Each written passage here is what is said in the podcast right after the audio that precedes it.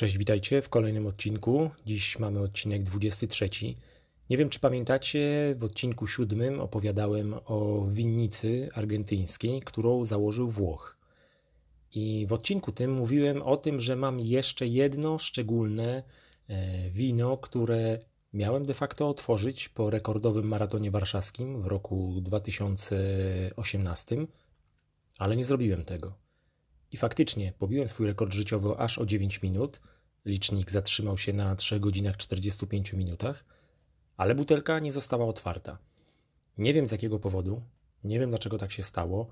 Spojrzałem w swoje notatki biegowe, ani nie byłem chory, co czasem potrafi mi się zdarzyć, już jak emocje opadną, już jak adrenalina odpłynie, jak czuję, że już mam spokój, już nie jestem w trybie treningu, już mam takie roztrenowanie, brak celu. Nie, nie byłem. Dlaczego nie otworzyłem? Nie wiem. Powiem Wam jeszcze jedną ciekawostkę. Zobaczyłem w swoich notatkach, że miałem wtedy fajną wagę 78 kg w dzień startu.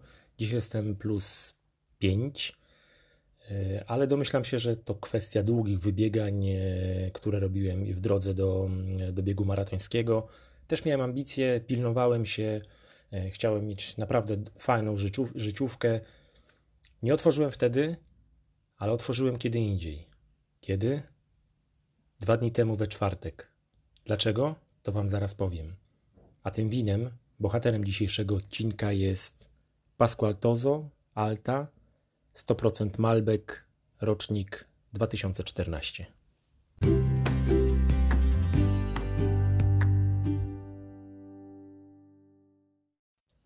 Założenie było bardzo proste. Chelsea miała albo wygrać, albo zremisować z Manchesterem City. Inaczej mówiąc, Manchester City nie mógł wygrać. I tak też się stało. Przegrana Manchesteru City 1-2 spowodowała, że to Liverpool zdobył tytuł mistrza Premier League już na kilka kolejek przed końcem sez- piłkarskiego sezonu. I pamiętacie pewnie, że mówiłem, że to wino otworzę wyjątkowego dnia. Ten wyjątkowy dzień miał być związany z, z moimi wynikami biegowymi, ale ten wyjątkowy dzień nastał we czwartek. Dlaczego? Ponieważ Liverpool zdobył mistrzostwo po 30 latach. To był ten wieczór. W zasadzie to była ta noc. 100% szczepu Malbec, 12 miesięcy dębu francuskiego i dojrzewanie w butelce przez kolejne 6 miesięcy. Tak jak zazwyczaj w swoich odcinkach nie opowiadam zbytnio o kolorze e, wina, który, który możemy zobaczyć w kieliszku, ale tutaj piękna, głęboka czerwień z fioletowymi refleksami, samo wino 14% alkoholu. Jakie ono jest? Jakie doznania? Owoce lasu w pełnej krasie. Maliny, jeżyny, mamy suszone śliwki. Beczka daje o sobie znać tytoniem, czekoladą, ziemistością i, i skórą. Wino jest wyraziste, ono jest eleganckie, jest jak jedwab, złożoną taniną. Pełne, głębokie, a posmak pozostaje długo jeszcze w, w, w, ustach. To wino na tyle mnie zaintrygowało, że postanowiłem znaleźć punktacje, które to wino e, otrzymało od takich prawdziwych krytyków e, winiarskich. Niestety nie znalazłem danych za ten rocznik. My jesteśmy rocznik 14. Sąsiednie miały takie liczby. Za 13 dał Robert Parker, Parker aż 90 e, punktów na 100 możliwych a za rocznik 2015 Wine Spectator również 90 punktów. Popatrzyłem sobie na roczniki troszeczkę młodsze, 2016 i 17 i cały czas obracamy się wokół punktów 90 i więcej. Tutaj akurat 92 punkty od Roberta Parkera wspomnianego i Jamesa Sacklinga. Niesamowite wino.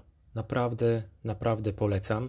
Tu niestety muszę dodać, że to wino nie jest tanie, ponieważ kosztuje 170 zł ale mi udało się dostać je z 40% rabatem. E, mianowicie e, to jest firma M&P. E, ma przegląd swojego, swojego asortymentu raz, raz do roku. I po tym przeglądzie, po tym takim festiwalu wina, jak oni to nazywają, wina z ich oferty można dostać z 20, 30 czy nawet 40% upustem. Ja na ten upust się załapałem. Jak dobrze pamiętam, to było właśnie 170 zł minus 40%. plus minus około 90 kilku złotych za, zapłaciłem za tę etykietę. I tak jak mówiłem, na taki ważny, e, wyjątkowy dzień, moim zdaniem absolutnie warto. Z czym kulinarnie? Wieprzowina, wołowina, dojrzałe sery, e, z jagnięciną, ale myślę sobie, że taką prawdziwą petardą to będzie połączenie ze stekiem.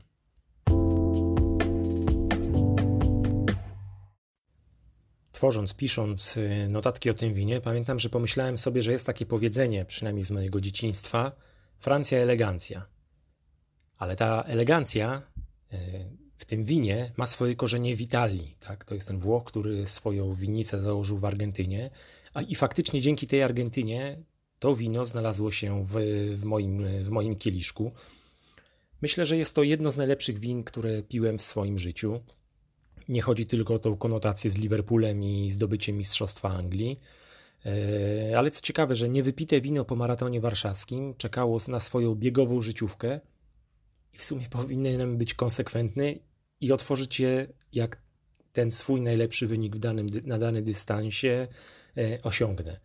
Ale jeśli słuchajcie, ulubiona drużyna zdobywa tytuł mistrza swojego kraju po 30 latach, to jest ten dzień, aby otworzyć wielkie wino na wielkie wydarzenie.